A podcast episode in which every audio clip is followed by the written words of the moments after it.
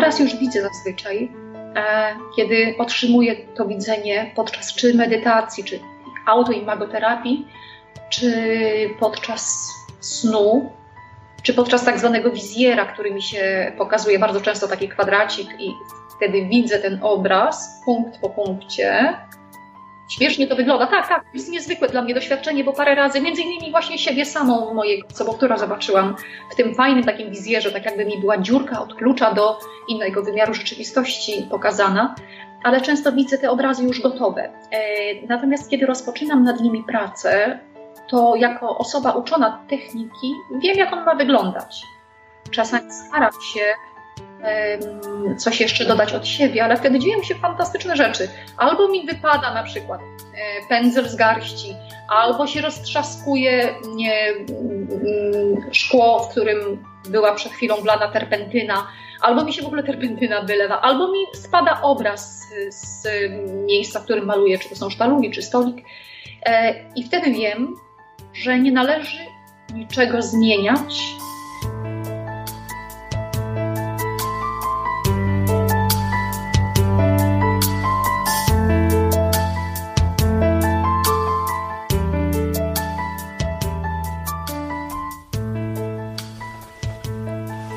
Wybrałem właśnie ten fragment na początek, fragment rozmowy, która niedługo się rozpocznie, gdyż pięknie on pasuje do takiej metafory życia. To, co dzieje się w naszym życiu, to pewnego rodzaju przeznaczenie, ścieżka losu. Jeżeli podążamy tą ścieżką, to wszystko e, nam sprzyja. Natomiast jeżeli zmieniamy tą ścieżkę, próbujemy wyznaczać całkowicie niezgodny z nami kierunek, to tak jak te farby, które wypadają z ręki, tak samo życie wskazuje nam drogę, żebyśmy powrócili do tej ścieżki. Więc zaufaj życiu i nie zmieniaj tego, co jest ci przeznaczone.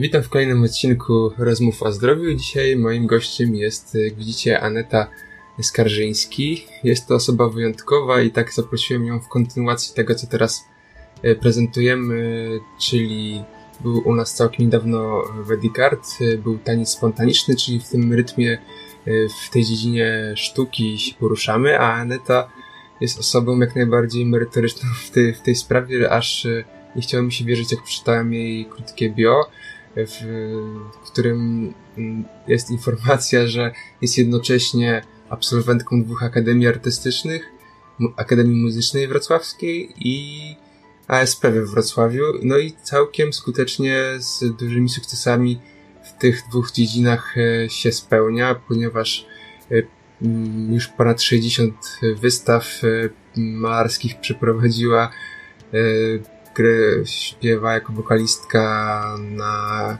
mm, dyskach opery wrocławskiej i innych oper, a także jeszcze jest trzeci element jej życia artystycznego, czyli literatura. Pisze książki przygodowe, której, do których inspiracją są jej własne sny, czyli jakby mm, to wszystko łączy się takim elementem, można powiedzieć, duchowym, z podświadomością. Pięknie to się przenika i, i pierwsze co, co chciałem Ci tutaj Aneta e, podpytać, to jak to jest możliwe łączenie tych e, trzech rodzajów mm, sztuki, mm, czy to jest jakby taka, była twoja naturalna ścieżka rozwoju artystycznego, a być może jakiś rodzaj takiego racjonalnego podejścia do dywersyfikacji może dochodów z różnych rodzajów tutaj działalności artystycznej? Mm, dziękuję Pawle za to fajne pytanie, a w ogóle na początku jeszcze sprostuję. W Operze Dolnośląskiej, potem w Teatrze Muzycznym i nawet w Teatrze Dramatycznym to grałam dawno temu, e, już teraz nie, szczęśliwie, bo dzięki temu mamy możliwość tworzenia swojego autorskiego teatru trzech dziedzin sztuki. I już odpowiadam na Twoje pytanie. I odpowiem słowami Witkacego, bo tak będzie najkorzystniej, tak sądzę. Twierdzi on, że są pewne perwersyjne natury, które literaturę biorą jako muzykę, malarstwo, przekładają na język literacki, natomiast od muzyki doznają czegoś takiego jak halucynacje wzrokowe. No i myślę, że to jest możliwe dzięki takiemu połączeniu, no bo jestem śpiewaczką z powikłaniami malarskimi i literackimi skutkami ubocznymi. Jest to możliwe, ponieważ w zasadzie ja nic innego nie potrafię. Odkąd urodziłam się, to się rozdarłam w dniu narodzin. Jak już tak zaczęłam drzeć, to do tej pory jest mnie głośno i dużo, a rozdarłam się, bo gdzieś tam pędzel mnie uwierał podobno. To tak żartobliwie. Natomiast ja żyję tym, w tym, obok tego, nad tym, pod tym, wszędzie jest wokół mnie sztuka od dzieciństwa i, i w zasadzie mogę powiedzieć, że dzieciom mija fascynacja sztuką, a mnie została. W związku z tym hmm, jestem dzieckiem specjalnej troski. Z tego, co właśnie czytałem i słuchałem na twój temat, no to zaczęło się od w zasadzie malowania, tak? Później pojawiła się muzyka i w pewnym momencie znowu wróciłaś do, do malarstwa e, za inspiracją pewnego człowieka, którego spotkałaś przypadkowo, czyli czy może nie, nie przypadkowo, przypadków jak wiemy nie ma. No, przypadki są w języku polskim, najczęściej tak. o. No tak, tak, to była busola i, i, też zwrotnica na drodze mojego życia, poznanie wspaniałego człowieka, mimo że różniła nas niebagatelna, półwiekowa różnica wieku, tak, półwiekowa, no 50 lat dokładnie, to jednak e, pozwoliło nam to stworzyć Mm, coś na kształt bardzo piekielnej przyjaźni. Piekielnej, ponieważ y, bardzo często dochodziło do wyładowań typu gromy i, i inne tego typu kłótnie, ale to była niezwykła dla mnie przyjaźń. E, fenomenalny człowiek, cudowny. Mm, to dzięki niemu maluję, dzięki niemu uczyłam się dzięki niemu i jego mądrości, e, starałam się wykorzystać te wszystkie elementy, którymi natchnął mnie podczas tych kilku lat naszej znajomości i tuż przed śmiercią podarował mi farby rubensówki. E, zaznaczam, że e, fabryka rubensówek przestała istnieć po Pieriestrojce w 1989 roku w Niemczech. Mm, I w związku z tym, że 89 rok to była praktycznie ostatnia paleta, jaka zeszła z tamtej fabryki. Te rubensówki trafiły do mnie, a po jego śmierci działy się tak nieprawdopodobne rzeczy, że ja już kiedyś o tym mówiłam w którymś z wywiadów, że um, ponieważ nałożyły się w tamtym czasie trzy śmierci na siebie. Śmierć mojej profesoresy Vicanto, E, czyli nauczycielki od śpiewu, jego śmierć i jeszcze mojej babci. Więc ja poczułam się taka pozostawiona sama sobie troszeczkę i no, wpadłam w dołka, aż w pewnym momencie przyśnił mi się straszny dziadunio i powiedział mi, co mam zrobić, że mam się wziąć do roboty. W tym śnie pokazał mi konkretnie co, E, I ja to zaczęłam robić, więc efekty praktycznie przeszły najśmielsze moje oczekiwania, bo to było w ciągu praktycznie, zmiany się zadziały w ciągu kilku miesięcy, e, bardzo dla mnie korzystne. I doszło właśnie wtedy do tak zwanej dywersyfikacji, jak to ładnie określiłeś, dwóch dziedzin sztuki, czyli muzyki i malarstwa. I to mi dało poczucie bezpieczeństwa, bo już wtedy nie musiałam być taka naparta, że ja muszę złapać koncert, bo jak nie, to nie zarobię na czynsz, tak? No nie, no wtedy już wiedziałam, że sprzedałam pierwszy obraz za bardzo fajne pieniądze, potem następne obrazy i to tak jakby jedna pani drugiej pani, pocztą pantoflową i to się fajnie kręciło.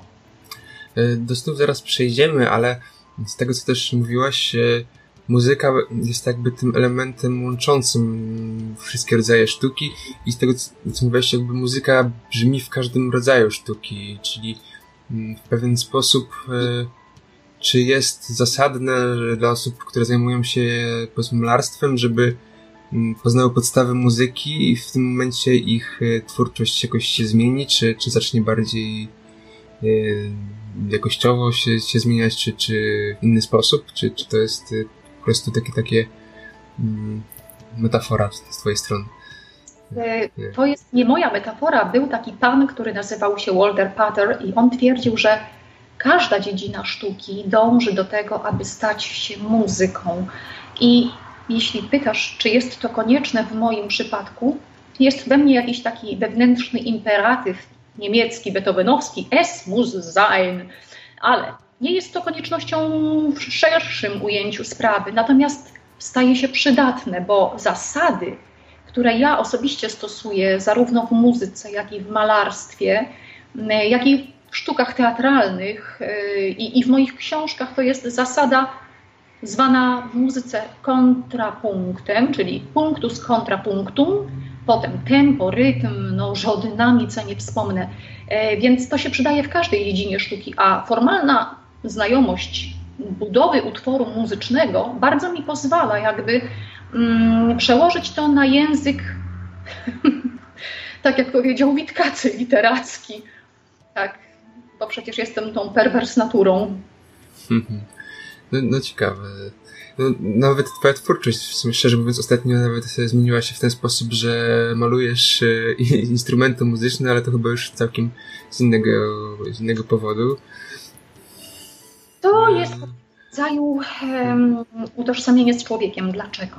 Um, bardzo lubię malować ludzi, ale ponieważ wchodzę w pole energoinformacyjne i za dużo czytuję z tego pola energoinformacyjnego, zaczynam być zmęczona tym, co czuję, widzę, odbieram. W związku z tym łatwiej mi ożywić instrumenty i nadać im pewnego waloru ruchu człowieka.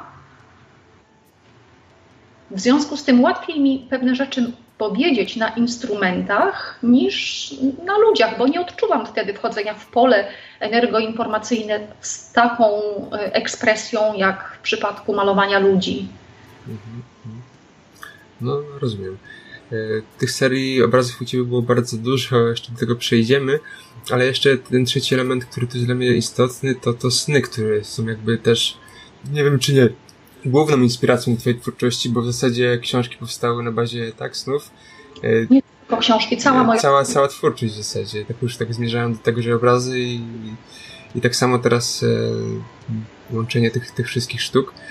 Mm, jak to się zaczęło u ciebie z tymi snami? Czy to zawsze było tak, że te sny były u ciebie tak rozbudowane i tak mm, i pamiętałaś je w tak e, dużym stopniu? E, czy, czy to się zaczęło rozwijać jakoś z czasem? E, właśnie nie mogę powiedzieć, że zaczęło się rozwijać, ponieważ śniłam jako dziecko bardzo dużo i to mi jakoś tak potem zostało. Mogę powiedzieć, że całe moje życie jest snem, a przynajmniej rezultaty tych snów, bo praktycznie we śnie widzę po odcięciu świadomości, bo wiadomo, we śnie mamy odciętą świadomość, no chyba, że są to świadome sny, ale o tym za chwilę. Po odcięciu świadomości we śnie widzę coś, co potem praktycznie maluję, tak? I są to rozwiązania już gotowe mm, do moich komedii, do sztuk teatralnych, do powieści.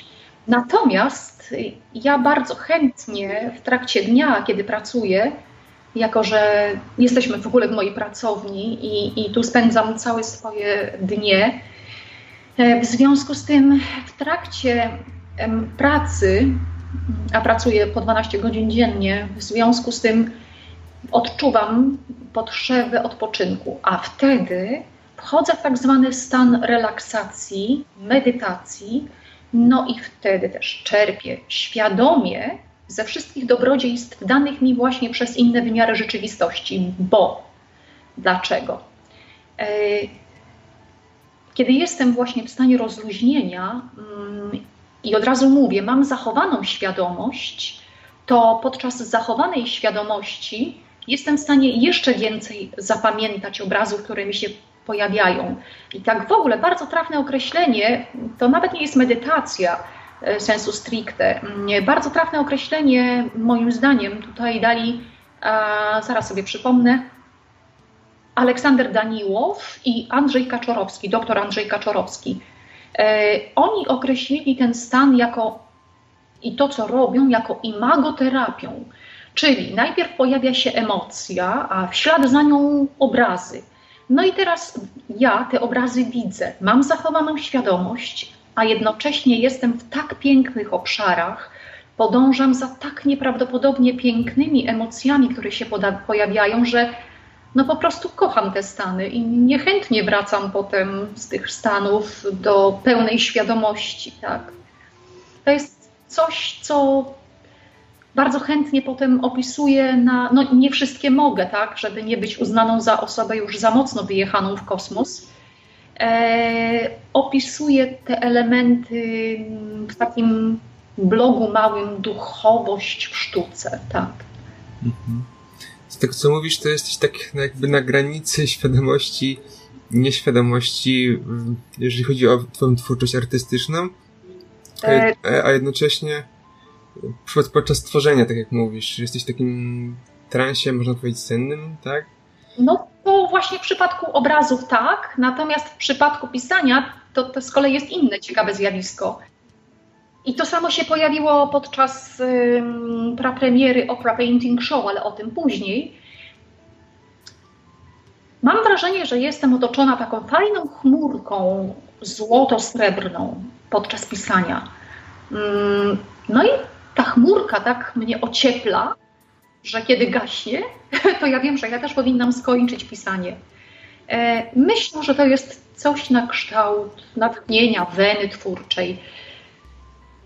Mm -hmm. No rozumiem, tak, e, ale też jednocześnie mm, e, pozwalasz tym snom płynąć, jeżeli śpisz, tak? Czyli nie dążysz do tego, żeby to była, żeby była pełna świadomość w śnie i cały ten jakby nurt tak. świadomego śnienia nie jest tobie bliski, wręcz przeciwnie, raczej starasz się tylko zapamiętać, starasz się, starasz, po prostu pamiętasz sny, ale nie, nie ingerujesz to, co się dzieje, na zasadzie, że jesteś, że jestem świadoma, że śnię i zmieniam tutaj mm, jakby to, co, to, co widzisz, tak? Nie ma takiej potrzeby, Pawła, dlatego że mm, ja oczywiście kiedyś tam czytałam na temat świadomego śnienia, ale w moim przypadku jakiekolwiek ćwiczenia podawane w tych mądrych książkach kompletnie nie znajdowały zastosowania w moim wydaniu. Ale tak miało być, ponieważ ja mam sny naturalne i są to często sny regresyjne, prekognicyjne, z przeniesieniem w inne wymiary rzeczywistości, w których na przykład spotykam albo swojego sobowtóra, albo osoby, które kiedyś poznałam, albo osoby, które kiedyś tam poznam. No i właśnie teraz zmierzam do snów progresywnych i e, prekognicyjnych, bo mm, bardzo lubię sny mm, prekognicyjne, ale również lubię sny progresywne, czyli ciąg dalszy nastąpi. Tak, tak. fajne. Czyli nie tylko te sny wpływają na, jakby na twoją twórczość artystyczną, ale także na twoje życie e, poprzez te sny właśnie prekognicyjne czy, czy progresywne. Jakbyś mogła podać jakieś takie kluczowe elementy z twojego życia, w którym sny wpływały, pewnie cały czas wpływają, ale może kilka takich przykładów. No, pierwszy taki, który ja zapamiętałam, który wpłynął na moje życie i właściwie znalazł odwzorowanie w rzeczywistości, tak zwanym realu fizycznym, był to sen, który pojawił się podczas mojej choroby, e, a po przeczytaniu książki e, Słowiki w aksamitach i jedwabiach e, Bogusława Kaczyńskiego. Nie wiem, czy pod wpływem tej książki, tudzież emocji wywołanych przez tę książkę, miałam sen, widziałam siebie stojącą na scenie, śpiewającą w takiej pięknej białej sukni. Pięć lat później, mając 20 lat, debiutowałam właśnie w operze dolnośląskiej rolą Królewny Śnieżki. Przypomniałam sobie o tym śnie dopiero wtedy, kiedy zobaczyłam siebie w tej pięknej sukni, bo praktycznie ja dopiero kilka dni przed premierą zobaczyłam te piękne stroje zaprojektowane przez Ryszarda Kaję. Mm, I kiedy miałam na sobie tą suknię, raptem skąd ja to znam? I przypomniało mi się, że właśnie to był ten sen sprzed pięciu lat. Poza tym, mm, no już o tym śnie, o którym opowiadałam e, z moim mentorem i przyjacielem, plastykiem, bo to był artysta plastyk, który utrzymywał się całe życie i trzyosobową rodzinę z malarstwa, więc on wiedział, jak malować i też wiedział, jak do mnie dotrzeć, abym ja zaczęła malować i nawet po śmierci już do mnie dotarł, więc ten sen, którym pokazał mi, co mam robić, zapoczątkował właśnie kilka fantastycznych rzeczy w moim życiu. A co do książek, no cóż, wszystkie moje rozwiązania, które stosuję chociażby podróż na Operiona to jest jeden wielki sen. Ale oprócz tego jeszcze nauka i, i, i, grzebanie się, że się tak wyrażę, dokonywanie pewnego rodzaju pracy detektywistycznej w historii sztuki. No, miałam też kilka snów z babcią. Powiedziała mi, czy też przypomniała coś, co sobie przed jeszcze jej odejściem z tego świata e, do innego wymiaru rzeczywistości ustaliłyśmy, a mianowicie, że wszystko to, co przeżyłyśmy wspólnie, e, ujmę w postaci przygód. E, ocalę od zapomnienia, abyśmy obie żyły razem nadal. I, I ja tak zrobiłam powstała tak książka Wyspy Naftalinowe, która zdobyła wyróżnienie potem na konkursie międzynarodowym literackim w Londynie, organizowany przez nieistniejące już wydawnictwo Brand Book. E, I to był 2008 rok. Pamiętam, że 4 kwietnia, czyli ładna data, 4, 4, 08, kiedy dotarła do mnie informacja, że zdobyłam wyróżnienie. No i to było takie bardzo, bardzo fajne, bardzo miłe. Podziękowałam wtedy babci w Litwie, modliłam się za nią i cudowne. A wszystkie sny, które dalej się pojawiają e, w moim życiu, no ja właściwie maluję tylko sny. Ja nic innego nie maluję, bo mało tego, ja, moje życie musiałoby trwać 200 lat, gdybym chciała wszystkie sny namalować. Mhm. Ale czyli z tego, co mówisz, to mm, podążasz za snami, za tymi inspiracjami ze snów. Nauczyłaś się jakby z czasem E, podejmować decyzję, bo nie wiem, czy na przykład w przypadku tego snu, e, z, w którym widziałaś siebie w sukni, czy już w tym momencie podjęłaś także decyzję, że zajmiesz się śpiewem? Właśnie w tym, po tym śnie od tego poranka, czy... Tak, tak, to było... Po prostu przy okazji tak to wyszło. No, to była sytuacja, bo nie chciałam do szkoły, a byłam chora e, i, i mm, zeszłam do kuchni na dół, powiedziałam do rodziców, że e, źle się czuję, i, i, no, ale nie, no wtedy naprawdę się źle czułam i, i chciałabym pójść do lekarza, e, ale e, chciałam jeszcze im coś obwieścić, że zostanę śpiewaczką operową, więc pomyśleli, że gorączka w moim przypadku chyba się zaostrzyła, stan chorobowy mi się zaostrzył. E, no ale ponieważ wcześniej grałam na fortepianie i, i, i szłam jednak tym trybem muzycznym, więc byli zaskoczeni, dlaczego akurat opera, tak? Oni nie byli bliscy opery, jakoś akceptować ten rodzaj wokalu. Mm-hmm, mm-hmm. No, no super. I tak jak mówisz, e, w kolejnych etapach twojego życia także sny były tym drogowskazem. A czy były takie sytuacje, że na przykład e, sen wskazywał coś konkretnego, mm, a ty na przykład stwierdziłaś, że to jest całkowity absurd i poszłaś w innym kierunku, a później przekonałaś się, że to jednak była dobra wskazówka? Niestety zapłaciłam za tę, za odejście od podążania za snem bardzo wysoką stawkę. E, I mogę się przyznać do tego, e, jako że bardzo, bardzo kochałam głosy sopranowe. E, mimo, że w szkole średniej byłam prowadzona jako ciemny mezzosopran, to miałam bardzo wysoką skalę głosu i dostałam się do Akademii Muzycznej jako sopran z koloraturą. Zadziwiające, prawda? Tym niemniej walczyłam przez wiele lat o głos zwany sopranem. Może dlatego, że tak chciała też i moja profesoressa Di Canto, ja nie wiem, ale ja się poddałam jej pomysłowi na życie. E, kiedy natura zaczęła się upominać o swoje i zaczęłam mieć poważne problemy z głosem, poważne, jeszcze wtedy nie wiedziałam, dlaczego tak się dzieje, że pomimo iż jestem nastawiona na prawidłową fonację, na śpiewam rzeczy zgodne niby z moim głosem. Głos mi mówi dziękuję i po każdej lekcji mam afonię. I wtedy dostałam odpowiedź we śnie. Wtedy dostałam bardzo wyraźną odpowiedź mezzo-sopran. Ale ja wystraszyłam się tego i dalej jakby sama siebie mm, w pewnym sensie przekonując i też dokonując gwałtu na naturze, e, starałam się dalej walczyć o sopran. I to był błąd. Tak się pętałam i męczyłam przez kolejnych kilka lat. Aż wreszcie. Przepraszam, kiedy... a to jest duża różnica między tym mezzosopranem a sopranem, bo nie, jest, nie jesteśmy tutaj w temacie artystycznym. Tak rzeczywiście jest słyszalna, aż tak, e, że to trzeba. To jest całkowicie inny nurt, tak? Mm, jest słyszalna, ponieważ sopranowy jest y, troszeczkę hmm, językiem ludzi nieuczonych w muzyki, no można tak. bardzo wysoki i bardzo jasny. E, chociaż nie zawsze, bo są różne soprany.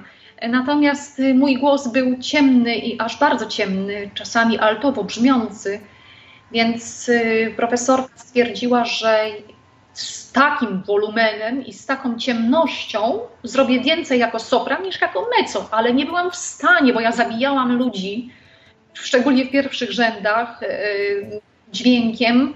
I nawet jak jeździłam na przesłuchania do Wiednia, to wszyscy mówili, dlaczego pani stara się śpiewać sopranowe rzeczy, skoro pani jest typowym mezzosopranem o bardzo ciemnej barwie.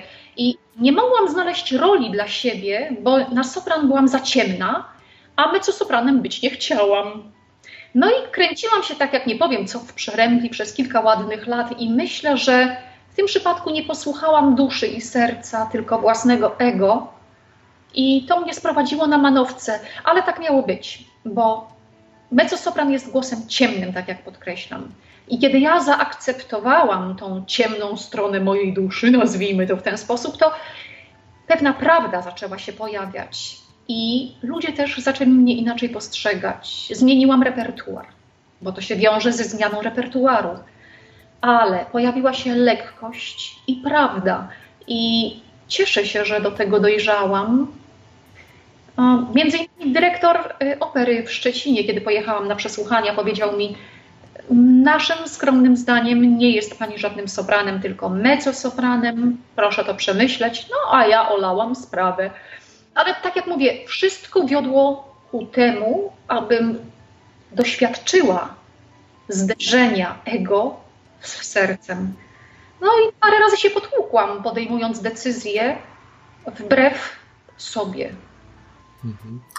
Z tego, co też e, mówisz, to te przekazy senne są w zasadzie można powiedzieć wprost, e, e, jakby sformułowane w przypadku tego mezzosopranu, e, czy też innych przypadków, nie, nie musisz wyszukiwać się do jakichś metafor dużych, tylko po prostu widzisz konkretne rzeczy, które powinny się zadzieć. Tak? Widzi lub słyszy lub czuje, ponieważ jest to wtedy czucie tak gruntowne, że ja nie czuję tylko, że czuję, bo czuję. Nie, to jest zupełnie inny rodzaj czucia. To jest czucie tak głębokie, że przenika nie tylko serce, ciało, ale również wszystkie inne poziomy energetyczne i wszystkie nasze pozostałe ciała. To jest zrozumienie absolutnie z duszy płynące. Zresztą właśnie ostatnio też podczas medytacji zrozumiałam, czym jest dusza moja. I to było tak przenikające mnie, tak głębokie, że tak bardzo moje. No właśnie, to jest wtedy bardzo moje. Czy słyszę, czy otrzymuję informacje, czyli tą wiedzę, która gdzieś tam z tyłu do mnie przychodzi, przenika mnie i staje się moją prawdą, to jest bardzo wyraźne i nie ma lęku. Lęk w ogóle znika, nie istnieje. Jest tylko miłość, ciepło i światło. Czyli jakby z czasem według mnie ty bardziej, bardziej odczuwasz te sny.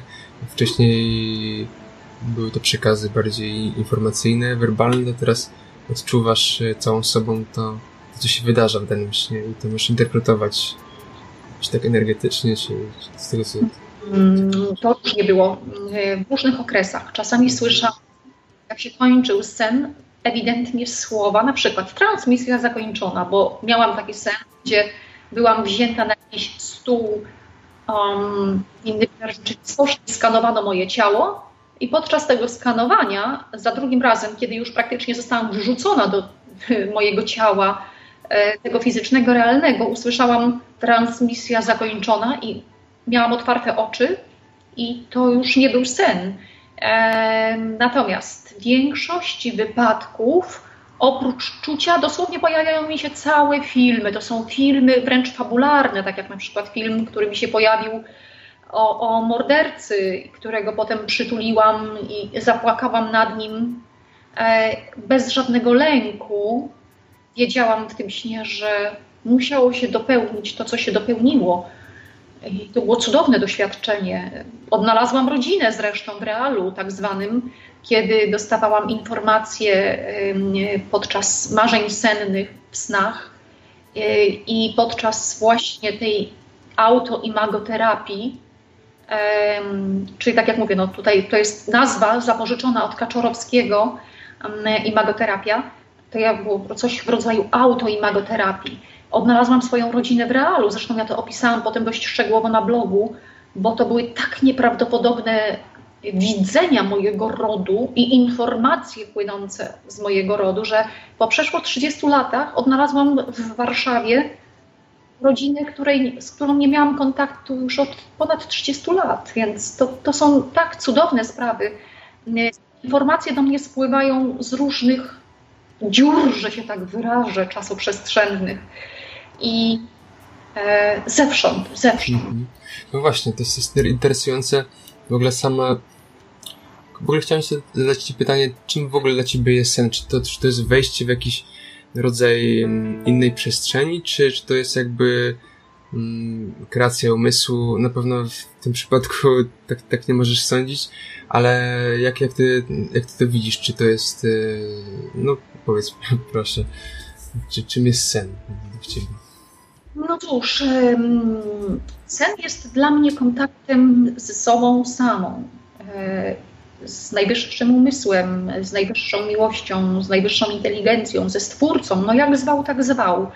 E, jest też dla mnie to doświadczenie samej siebie w innych wymiarach rzeczywistości, ponieważ ja w snach na przykład miałam okazję spotkać się z własnym sobowtórem. E, sen jest dla mnie czymś na kształt terapii i zrozumienia, e, jak dalece błądzimy w tym dualnym świecie jest po części również otrzymywaniem pytań, odpowiedzi na pytania, które sobie stawiam. Więc sen jest dla mnie najlepszym przyjacielem, mentorem, powiernikiem. E, tak, przyjacielem. Przyjacielem.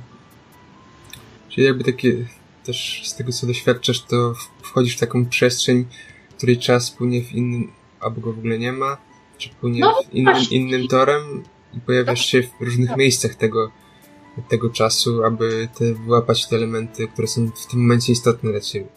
Tak, tak. No czas w ogóle w pojęciu linearnym nie istnieje. To już Einstein powiedział, Tesla podkręcił jeszcze tę sprawę. Ale de facto to, co istnieje, to jest wieczność, ale wieczne teraz. Teraz. I ja istnieję jak każdy z nas. Część mojej, może inaczej, część skoncentrowanej energii miłości, zwanej energią Stwórcy, no, czy wszechświata, mm, jest we mnie tu, we mnie fizycznej, ale jest też część tej skoncentrowanej energii w innej mnie, w innym wymiarze rzeczywistości, którą spotykam, tak? w której bywam, w której poznaję ludzi.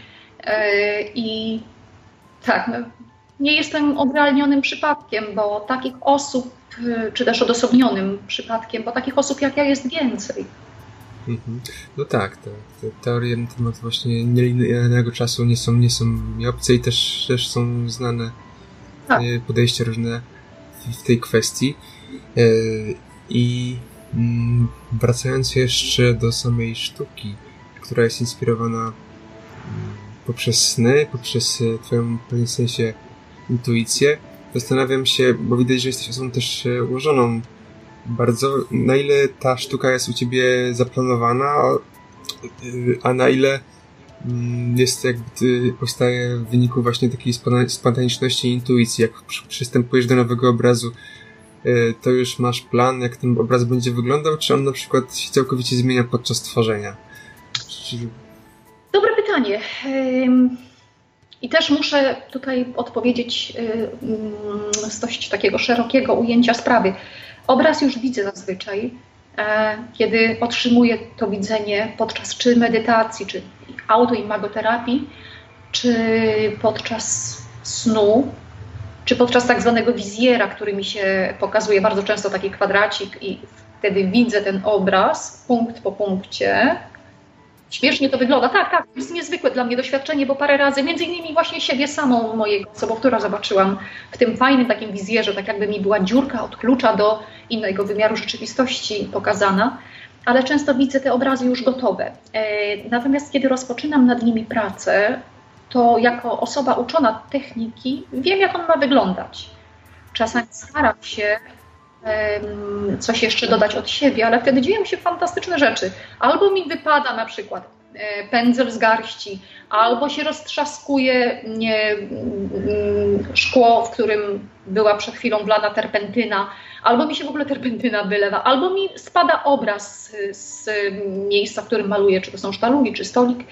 E, I wtedy wiem, że nie należy niczego zmieniać i tak też się zaczęło dziać w przypadku, kiedy docierałam do zadawnionych spraw mojego rodu, bo spraw związanych z pewnymi traumatycznymi doświadczeniami z roku pańskiego 1876, więc wtedy dostawałam gotowe obrazy, które jeśli starałam się coś zmienić, no wszystko szło w poprzek.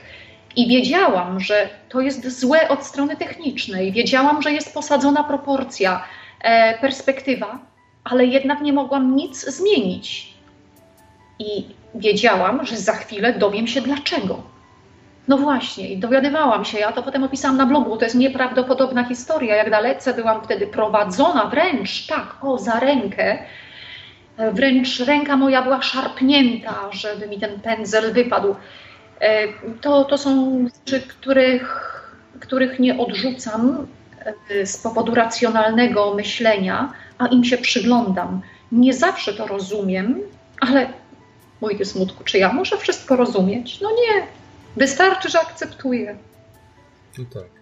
Ciężko w świadomości rozumieć rzeczy, które są dobre dla podświadomości, chyba ktoś tak powiedział. Czy, czy, czy nie w tej przestrzeni jest e, czas, wiesz, miejsce na, na zrozumienie czegoś.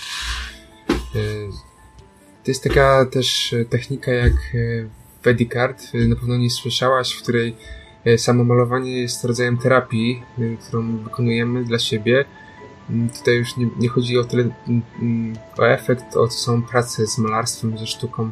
Jakie jest Twoje podejście? Bo też Vedicard odrzuca takie typowo e, akademickie podejście do sztuki, w którym opieramy się na konkretnych technikach, a bardziej opieramy się tutaj na intuicji i takiej praktyki sztuki jako pracy ze sobą. No właśnie, Velikart jest sztuką, która odrzuca zasady, zbiór wiedzy i, i zasad preferowanych przez akademików. E, a z kolei akademicy no, troszeczkę krzywym okiem patrzą na Velikart, aczkolwiek coraz częściej się na to otwierają, bo takie jest zapotrzebowanie rynku. E, osobiście moje zdanie na temat Vedikartu jest wyrobione. O ile jestem za tym, aby tworzyć, e, bawić się z kolorem, bo przecież malarstwo to jest również zabawa z plamą, z kreską. No i właśnie czasami jedna kreska maleńka dzieli dwie epoki pomiędzy sobą, tak? Ale wracając do sprawy, o ile jestem za tym, aby się zanurzyć w kolorze, w barwie, tyle Benikart nie daje już umiejętności operowania tą formą, tą plamą, aby stworzyć formę. A wydaje mi się, że w malarstwie to nie tylko podążanie za kolorem jest istotne, ale również y, umiejętność stworzenia bryły, namalowania bryły ujętej konkretnie i osadzonej przestrzeni, e, nie mówiąc już o posiadaniu pewnych zasad, które pomogą nam stworzyć obraz, bo w momencie, kiedy osoba prowadząca Vedicard wmówi osobom będącym na zajęciach, że nie muszą mieć wiedzy, byle podążali za swoją intuicją, to popełnia zasadniczy błąd, bo ile osób podąża za swoją e, intuicją? No niewiele. E, większość z nas ma blokady za podążaniem za swoją intuicją. Mało tego, podążając za intuicją, dochodzimy w pewnym momencie do tak zwanego do tak zwanej ściany, bo dalej nie pójdziemy, jeśli nie mamy techniki.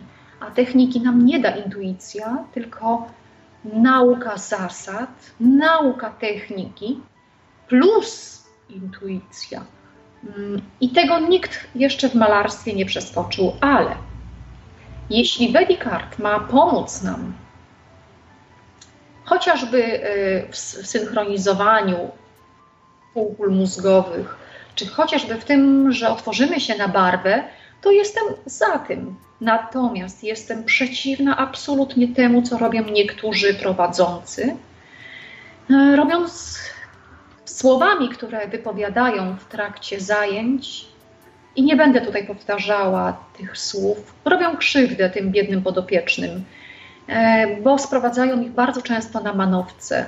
Mm, I osoby, które były na początku zajęć nastawione bardzo przyjaźnie do Vedic Art, później zniechęcają się i odstawiają to malowanie. A szkoda, bo wystarczyłoby powiedzieć prawdę. Nie, nie będziecie wielkimi artystami, ale nauczycie się operować barwą, nauczycie się otwierać na różne kolory, nauczycie się trzymać pędzel w garści. E, jeśli będziecie chcieli dalej malować i się rozwijać, idźcie na kurs podstawowy e, nauki malarstwa. I tam poznacie arkana bardzo szerokiej wiedzy. I warto, myślę, od Vedicartu przejść potem do, y, poznając zasady Vedicart, poznać potem zasady już akademickie. Ja nie mówię, że trzeba zdawać do Akademii Sztuk Pięknych, aczkolwiek nie wykluczam takiej możliwości, bo znałam pana, który mając 60 lat przeszedł na emeryturę i dostał się do Akademii Sztuk Pięknych. No oczywiście, tak, tak. Oczywiście tutaj no, sam efekt obrazu przy takiej pracy z malarstwem intuicyjnym nie jest na tyle istotny, co sama praca podczas tworzenia tego obrazu. Oczywiście jak coś tam fajnego wychodzi i człowiek zauważy, że przebija się jakiś talent, no to na pewno warto to jakoś jeszcze ulepszyć, tak jak mówisz, y, mm, zwiększając swój warsztat, wachlarz y, narzędzi, które, czy też wiedzy, technik, które możemy zastosować. I to byłoby na pewno pomocne, ale, ale sam, mm, sam efekt, czy jakimś obraz, to nie jest tutaj na pewno celem w malarstwie intuicyjnym, ale jak mówisz, są, są prowadzący, którzy e, ten efekt e, wysuwają na, na piedestał, chociaż e, chyba zasady Widikarty nawet mówią o tym, że to, że to nie jest tak, to są takie sytuacje dość trudne, mało tego. Nierzadko yy, nauczyciele Wedikartu nie mają zielonego pojęcia o zasadach e, malarstwa. Często tworzą e, obrazy nie najgorsze, ale e, niezgodne z zasadami malarstwa akademickiego. Już pomijam to, bo ja nie twierdzę, że trzeba być akademikiem, bo ostatecznie Van Gogh też nim nie był, a był geniuszem. I, I tak samo inni przed nim wielcy, tak? Mm, nie, nie trzeba mieć akademii, ale trzeba znać zasady. No i teraz te osoby, które prowadzą te zajęcia, nierzadko prowadzą je tylko po to, aby sprzedać swoje obrazy, wmawiając ludziom tak śmieszne rzeczy, jak chociażby to, że obrazy te leczą. No nie, no nie leczą, no nie leczą. No tak, mm, oczywiście. E, no są różni ludzie, to, to, to wiem oczywiście. Hmm. E, jesteś bardzo ciekawą osobą i mam jeszcze jeden temat. Mam nadzieję, że słuchaczy tutaj nie wprowadzimy w zamęt, bo chciałbym poruszyć jeszcze temat e, Siergieja Łazariewa, który jest bardzo bliski tobie, e, jeżeli chodzi o jego książki, jego, jego przekaz. Na pewno. Hmm. I także holistyczne podejście do człowieka, które, które właśnie przekazuje Łazariew, jakby źródło postawania chorób, czy to w kontekście nawet totalnej biologii, czy właśnie teorii przekazu Łazariewa. Yy, z tego co wiem, to twój stosunek się zmienił także do tych teorii w czasie na początku był dosyć z dużym dystansem, później zrozumiałaś głębiej tą, te, ten przekaz. I jakbyś mogła powiedzieć, jak, te, jak, jak ta zmiana następowała w czasie, co było naj, najbardziej istotne z tego, z tego przekazu, co byś mogła powiedzieć osobom, które nie miały do czynienia w ogóle z, z Łazariem. To jest dość szeroki temat, ponieważ zaczął się, kiedy miałam 10 lat. A, to było tak dawno. Tak, to było bardzo dawno temu, kiedy ja zaczęłam czytać wtedy książki dostępne Życie po życiu, Życie po śmierci. E, miałam wtedy też kontakty, nazwijmy to wprost, z duchem, co dla mnie było jakby momentem zwrotnym bo wtedy już zrozumiałam, że istnieje coś jeszcze innego poza wymiarem fizycznym. No i właśnie miałam wtedy 10 lat, kiedy zaczęłam, nikt mi nie uwierzył i w związku z tym musiałam sama szukać, kluczyć, dowiadywać się. E, no i trafiłam na różne książki. Potem, jak już dorosłam, to była Louisa Hay, Hicksowie, Brian Weiss, y, Greg Braden, Eckhart Tolle. E, potem był Wadim Ziland, wreszcie Colin Tipping i jego radykalne wybaczanie, które przez lata stosowałam u siebie z dużym powodzeniem. Był też Marian Ogorewć, e, który też zresztą uważa siebie za duchowego ucznia Lazariewa. Natomiast dla mnie miernikiem, czy w prawidłowym kierunku podążam, są skutki stosowania danych technik e, i teorii.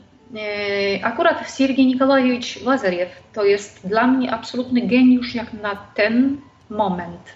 E, na jego książki wpadłam przed laty, ale byłam wtedy na jeszcze innym etapie rozwoju duchowego, by nie powiedzieć zwoju duchowego. Natomiast wtedy nie przemówiły do mnie, bo nie był to dobry czas. Ten czas pojawił się w zeszłym roku, kiedy z większą pokorą podeszłam do tego, co on podaje, i wiedziałam, że jestem w domu ponieważ jak się przyjrzałam nie, pewnym elementom u siebie, takimi jak, no będę teraz szczera, dotarłam do swojej podświadomości, czyli do tak zwanej pychy, pogardy, arogancji, gniewu, zazdrości, agresji. Ja tutaj mogę wymieniać troszeczkę tych elementów, które każdy z nas ma, tylko nie każdy sobie z tego zdaje sprawę. No i dla mnie to było szokiem, kiedy nie odkryłam ich w swojej świadomości czy w swoim zachowaniu w tak zwanym realu, ale zaczęłam je powolutku odkrywać, tak jakbym otworzyła puszkę Pandory e, w swoim polu energoinformacyjnym i wszystko stało się jasne. Dlaczego w moim życiu zaczęły się dziać takie, a nie inne rzeczy? Dlaczego były takie, a nie inne? To wszystko było bardzo jasne, klarowne. I zaczęłam pracę. Wiadomo, to się wiąże z tym, że były i łzy, były trudne sytuacje, były ciężkie chwile, e, ale naprawdę się opłaciło, ponieważ już po paru miesiącach zaczęłam mieć bardzo pozytywne rezultaty, właśnie o których na samym początku swojej wypowiedzi powiedziałam. Tak więc rezultaty określiły skuteczność danej teorii, tudzież sposobu wychodzenia na prostą. I mogę teraz śmiało powiedzieć yy, za słowami Łazariewa, że on ma takie ulubione słówko głomiostas, czyli homeostaza. Jest to stan stały, czyli dobre samopoczucie. Jest to zdolność utrzymywania niejako stałości parametrów wewnętrznych w systemie zamkniętym lub otwartym, bez względu na okoliczności zewnętrzne. Więc cokolwiek się nie dzieje na zewnątrz, ja mam w środku spokój, ponieważ wiem, że nie mam oglądu całości sytuacji, tak? Jak naczelnik, czyli twórca, stwórca, tak? Że widząc urywek danego zdarzenia, że ktoś na przykład na mnie nakrzyczy, to ja wiem, że to się musiało stać, ponieważ, no i tutaj tych ponieważ jest wiele elementów. Nie będę więc się odkrzykiwać tutaj, odgrażać do tego, kto mnie zbeształ, tylko mu podziękuję. E, widzę jakąś bójkę na zewnątrz. Nie będę więc zionęła nienawiścią do tego, kto opiera słabszego, ponieważ ja wiem, że oni między sobą muszą coś załatwić, a ja nie mam oglądu całości. W związku z tym mogę zareagować i często to robię, że reaguję, ale już bez zionięcia tak negatywnymi emocjami w stosunku do napaśćcy, tak? To jest nieprawdopodobne, jak dalece się zmienia emocjonalność człowieka, w tym przypadku moja, e, jak wielki spokój się pojawia w duszy, w sercu, w umyśle, kiedy nie muszę niczego oceniać. To jest cudowne. Mhm. No właśnie, też Łazariew, bo z tego co słyszałem całkiem niedawno, no, mówi, że nasz, nasza reakcja na takie zdarzenia na poziomie emocjonalnym jest bardziej jeszcze destruktywna niż, niż reakcja na poziomie fizycznym. No. Tak. Czy, czyli w zasadzie jeżeli by te emocje u nas się kumulowały i byśmy zieleli tutaj jakąś emocją silną w stosunku tego człowieka, to byłoby jeszcze bardziej destruktywne niż, niż same fizyczne działanie. A ja ci powiem dlaczego. Yy, powiem to też za Lazarem. Lazar tak twierdzi. E, otóż, jeżeli mamy 100% nas, jako człowieka, to 97% stanowi jego pole energoinformacyjne, tudzież nazwijmy to duszą. I to nie my mamy duszę, a dusza ma nas. No i właśnie, jeżeli tylko 3% stanowi nasze ciało, to cóż mi po działaniu w obrębie ciała? No nie, zmian się dokonuje w obrębie pola energoinformacyjnego i to są zmiany trwałe. Wszystko, co się dzieje w polu, dzieje się. No właśnie, trzeba najpierw do tego dojść y, i znaleźć, co tam się dzieje, żeby można było poprzez miłość przepracować pewne elementy. E, są osoby, które się tym zajmują zawodowo. E, ja robiłam i pracuję sama ze sobą. Oczywiście, no, tak samo jest w sztuce. No, nie ściągnęłabym przecież na Ziemię czegoś, co wcześniej by nie zaistniało w polu energoinformacyjnym, tak?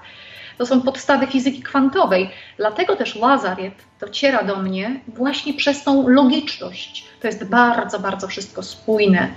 Mhm.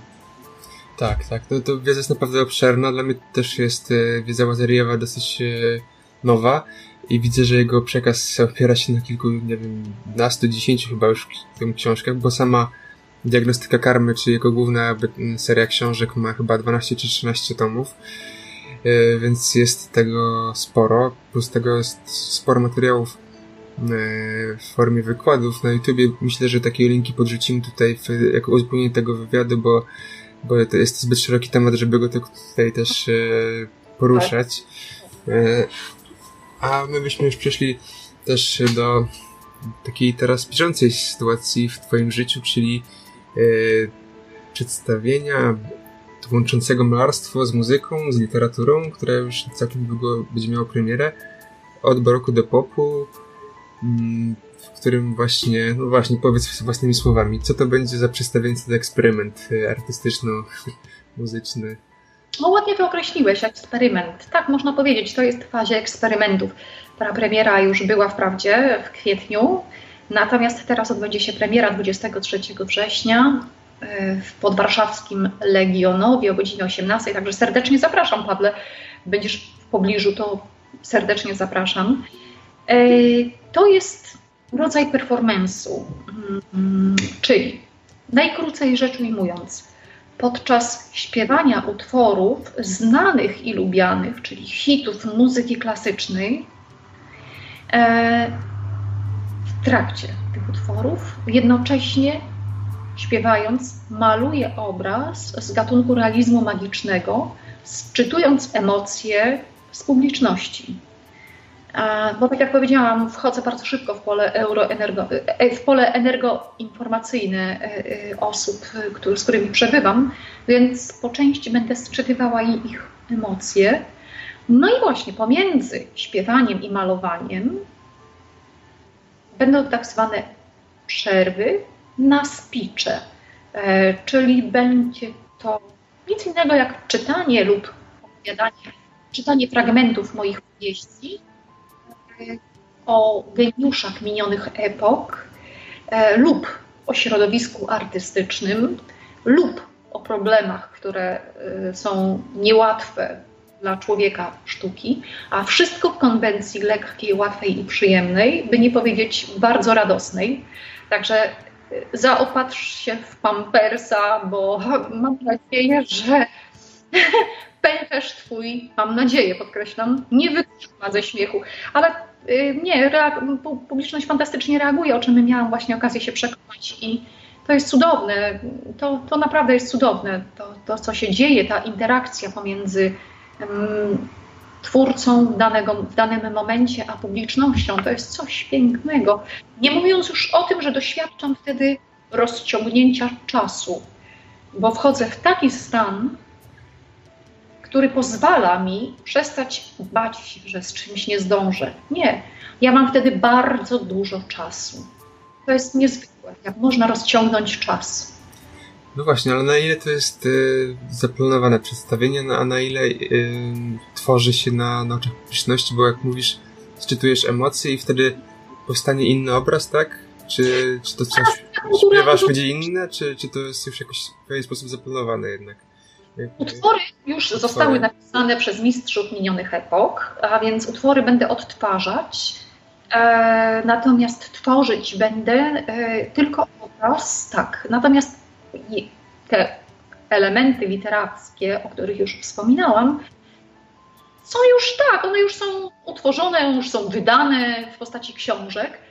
E, no i w związku z tym jest to też i zaplanowane, ale pozostawiam pewną lukę na tą szaloną twórczość w czasie i przestrzeni. E, na ten moment nie wiem, co namaluję. Wiem tylko, że namaluję z gatunku, coś z gatunku realizmu magicznego, bo to jest mój, mój kierunek, zdecydowanie. No ale też będę wchodziła w interakcję z ludźmi, bo to jest rodzaj performance'u, więc dostosuję się do okoliczności. No, no rzeczywiście, ciekawa inicjatywa. Już była premiera, więc już widzisz, jak to, jak to działa, więc na pewno będzie, będzie ciekawie. Czy planujesz kontynuację tych, tych przedstawień po Polsce, czy to jest takie jednorazowe y, wydarzenie? Mm, planuję, ale jak wiesz, powiedz o swoich planach Bogu, a cię wyśmiej. E, planować to ja sobie mogę. No właśnie, e, tak, planuję, ponieważ e, to jest mój kierunek. W momencie, kiedy ja weszłam w ten kierunek i jakby połączyłam te trzy elementy, to okazało się, że wszystkie czynniki zewnętrzne, wszelkie niedogodności zaczęły znikać jedna po drugiej. To tak, jakby to była ta moja własna ścieżka, i tak jest, że pewnie zbierz to po sobie, że kiedy zapukałeś do wielu drzwi, a one ciągle były zamknięte, a zapukałeś do właściwych, to jak wchodziłeś, to raptem wow, to tyle jest możliwe. No, no właśnie, tyle jest możliwe. Tak, tak. No tak, tak więc życzę Ci powodzenia. Y, być może spotkamy się na tym przedstawieniu we wrześniu. Zapraszamy też wszystkich słuchaczy, że na pewno są jeszcze miejsca, tak? Y, na, tak, to są na zaproszenia. E, nie ma biletów e, sensu stricte, są natomiast zaproszenia. I te zaproszenia można zdobyć albo na mojej stronie internetowej, albo zadzwonić do Domu Kultury e, Miejskiego, Miejski Ośrodek Kultury w Legionowie i tam zarezerwować sobie miejsce, ponieważ mnie zależało, żeby to była sala kameralna.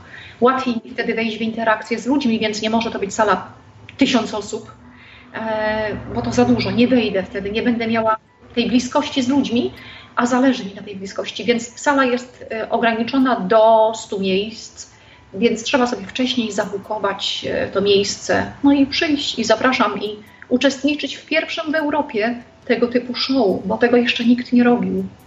No na pewno, nie słyszałem o niczym takim na pewno ciekawie. Tak jak powiedziałaś, zaproszenie jest także na stronie internetowej Twojej do wydrukowania. Jakbyś mogła powiedzieć właśnie, gdzie można Ciebie znaleźć w sieci, jak się z Tobą najlepiej skontaktować, gdzie można obejrzeć Twoje prace i tak dalej. E, najłatwiej to wpisać nazwisko Aneta Skarżyński z końcówką ski i wtedy pojawi się strona internetowa, którą teraz mogę podyktować. Ja wpiszę w opisie tutaj, więc... Ja www.aneta-skarzyński.wixsite, czyli wix przez x pisane site, czyli wixsite.com łamane na arts. I, ale wystarczy wpisać prosto Aneta Skarżyński i wyskoczy właśnie ta strona jako pierwsza. E, tam są e-mail jest do mnie podany, więc e, można się ze mną w ten sposób kontaktować. E, lub przyjść najzwyczajniej w świecie na jedno z moich przedstawień, bo wtedy będziemy mieć kontakt na live, na żywo, a nic nie zastąpi kontaktu bezpośredniego. Tak. E, tak, na stronie też widziałem sporo Twoich e, dzieł malarskich do obejrzenia ale także chyba masz kilka wystaw w Polsce, których można oglądać, tak? Tak, tak, to systematycznie miewam wystawy. Od września będzie ich parę, więc też wszystko będzie pokazane, czy też um, powiedziane e, na mojej witrynie w zakładce wkrótce albo aktualności. E, więc zapraszam na stronę, bo raz, tam można obejrzeć obrazy, można też obrazy zamówić tam też na stronie, bo ja mam tą stronę taką, no mydło i powidło. Tam jest i muzyka, i malarstwo, i literatura, i blog, i sny, a, i sztuki teatralne, ale sztuki teatralne to jest jakby naj, najnowsza e, działka mojej działalności literackiej, bo to są efekty pracy tych wakacji. Super. Dobrze, to zmierzamy już do końca naszej rozmowy. Na koniec chciałbym Cię jeszcze poprosić o jakąś taką jedną myśl, którą byś chciała przekazać naszym słuchaczom e, z kontekstu właśnie Twojego doświadczenia życiowego, mm, którą warto by wdrożyć, być może wysłuchać chociażby. Z tym zawsze mam problem, ponieważ nie, nie uważam siebie za mędrca i mentora, ale powiem tak od siebie, bo mnie się to też przydaje. A mam z tym problem, na przykład, e, aby ludzie uczyli się słuchać siebie, bo ucząc się słuchać samych siebie, podszeptów o własnej duszy, nauczą się słuchać innych, nauczą się słuchać zwierząt, roślin, zaczną dostrzegać, postrzegać pozazmysłowo też. No, inna rzecz, że ludzie bardzo często szukają czegoś poza sobą, szukają miłości, szczęścia, pędząc gdzieś na zatracenie, wszędzie za wyjątkiem własnego serca, a przecież żadna kochanka, mąż, kolejny przyjaciel czy też na odmiany. To ktokolwiek, nawet dziecko, nie da nam tej miłości, jeśli my jej wcześniej w sobie nie odkryjemy. Dlatego życzę, aby wszystkim ludziom, aby tej miłości szukali w sobie przede wszystkim, a nie poza sobą. Stańmy się tą miłością, a przyciągniemy tą miłość. A no to chyba tyle. Ja nie bardzo chcę się wymądrzać, bo są mądrzejsi ode mnie mentorzy, ale życzę wszystkim, aby właśnie umieli się odnajdywać w miłości, którą sami też wygenerują, a są na to techniki. No ten przekaz dla mnie jest fascynujący, bo słyszałem już go innymi słowami od wielu osób, które zapraszam. I w zasadzie połączenie ze sobą, kochanie siebie, czy, czy też znalezienie prawdy w sobie, a później szukanie jej na zewnątrz. To jest to, co, co łączy wiele, wiele podejść, wiele historii życiowych i... I łączy nas z innymi ludźmi. Tak, tak, także z drugim człowiekiem. Pięknie. Także dziękuję Ci za tą dzisiejszą rozmowę. Miło mi Cię było poznać i zapraszam wszystkich e, na przedstawienie do Legionowa we wrześniu. Wszystko będziecie mieli także w opisie tego e, dzisiejszego podcastu, wywiadu. Dziękuję Wam serdecznie, dziękuję Ci, Aneto. Dziękuję Ci, pozdrawiam Cię bardzo serdecznie i dziękuję Państwu za uwagę. Ale to już koniec rozmowy z Anetą Skarżyńskim. Miło mi, że wysłuchałeś jej do samego końca. E, jeżeli chciałbyś ją zobaczyć, to jest ona także dostępna w formie wideo e, na kanale YouTube mindbodyspirit.pl. Mm, a jeżeli treść, która została tutaj przekazana, przyniosła dla Ciebie e, wartość lub chciałbyś przekazać tą wartość także innym, to będzie mi bardzo miło, jeżeli udostępnisz ten wywiad dalej, e, bądź też skomentujesz go swoimi słowami, czy to w iTunes, czy to w komentarzu do filmu na YouTubie.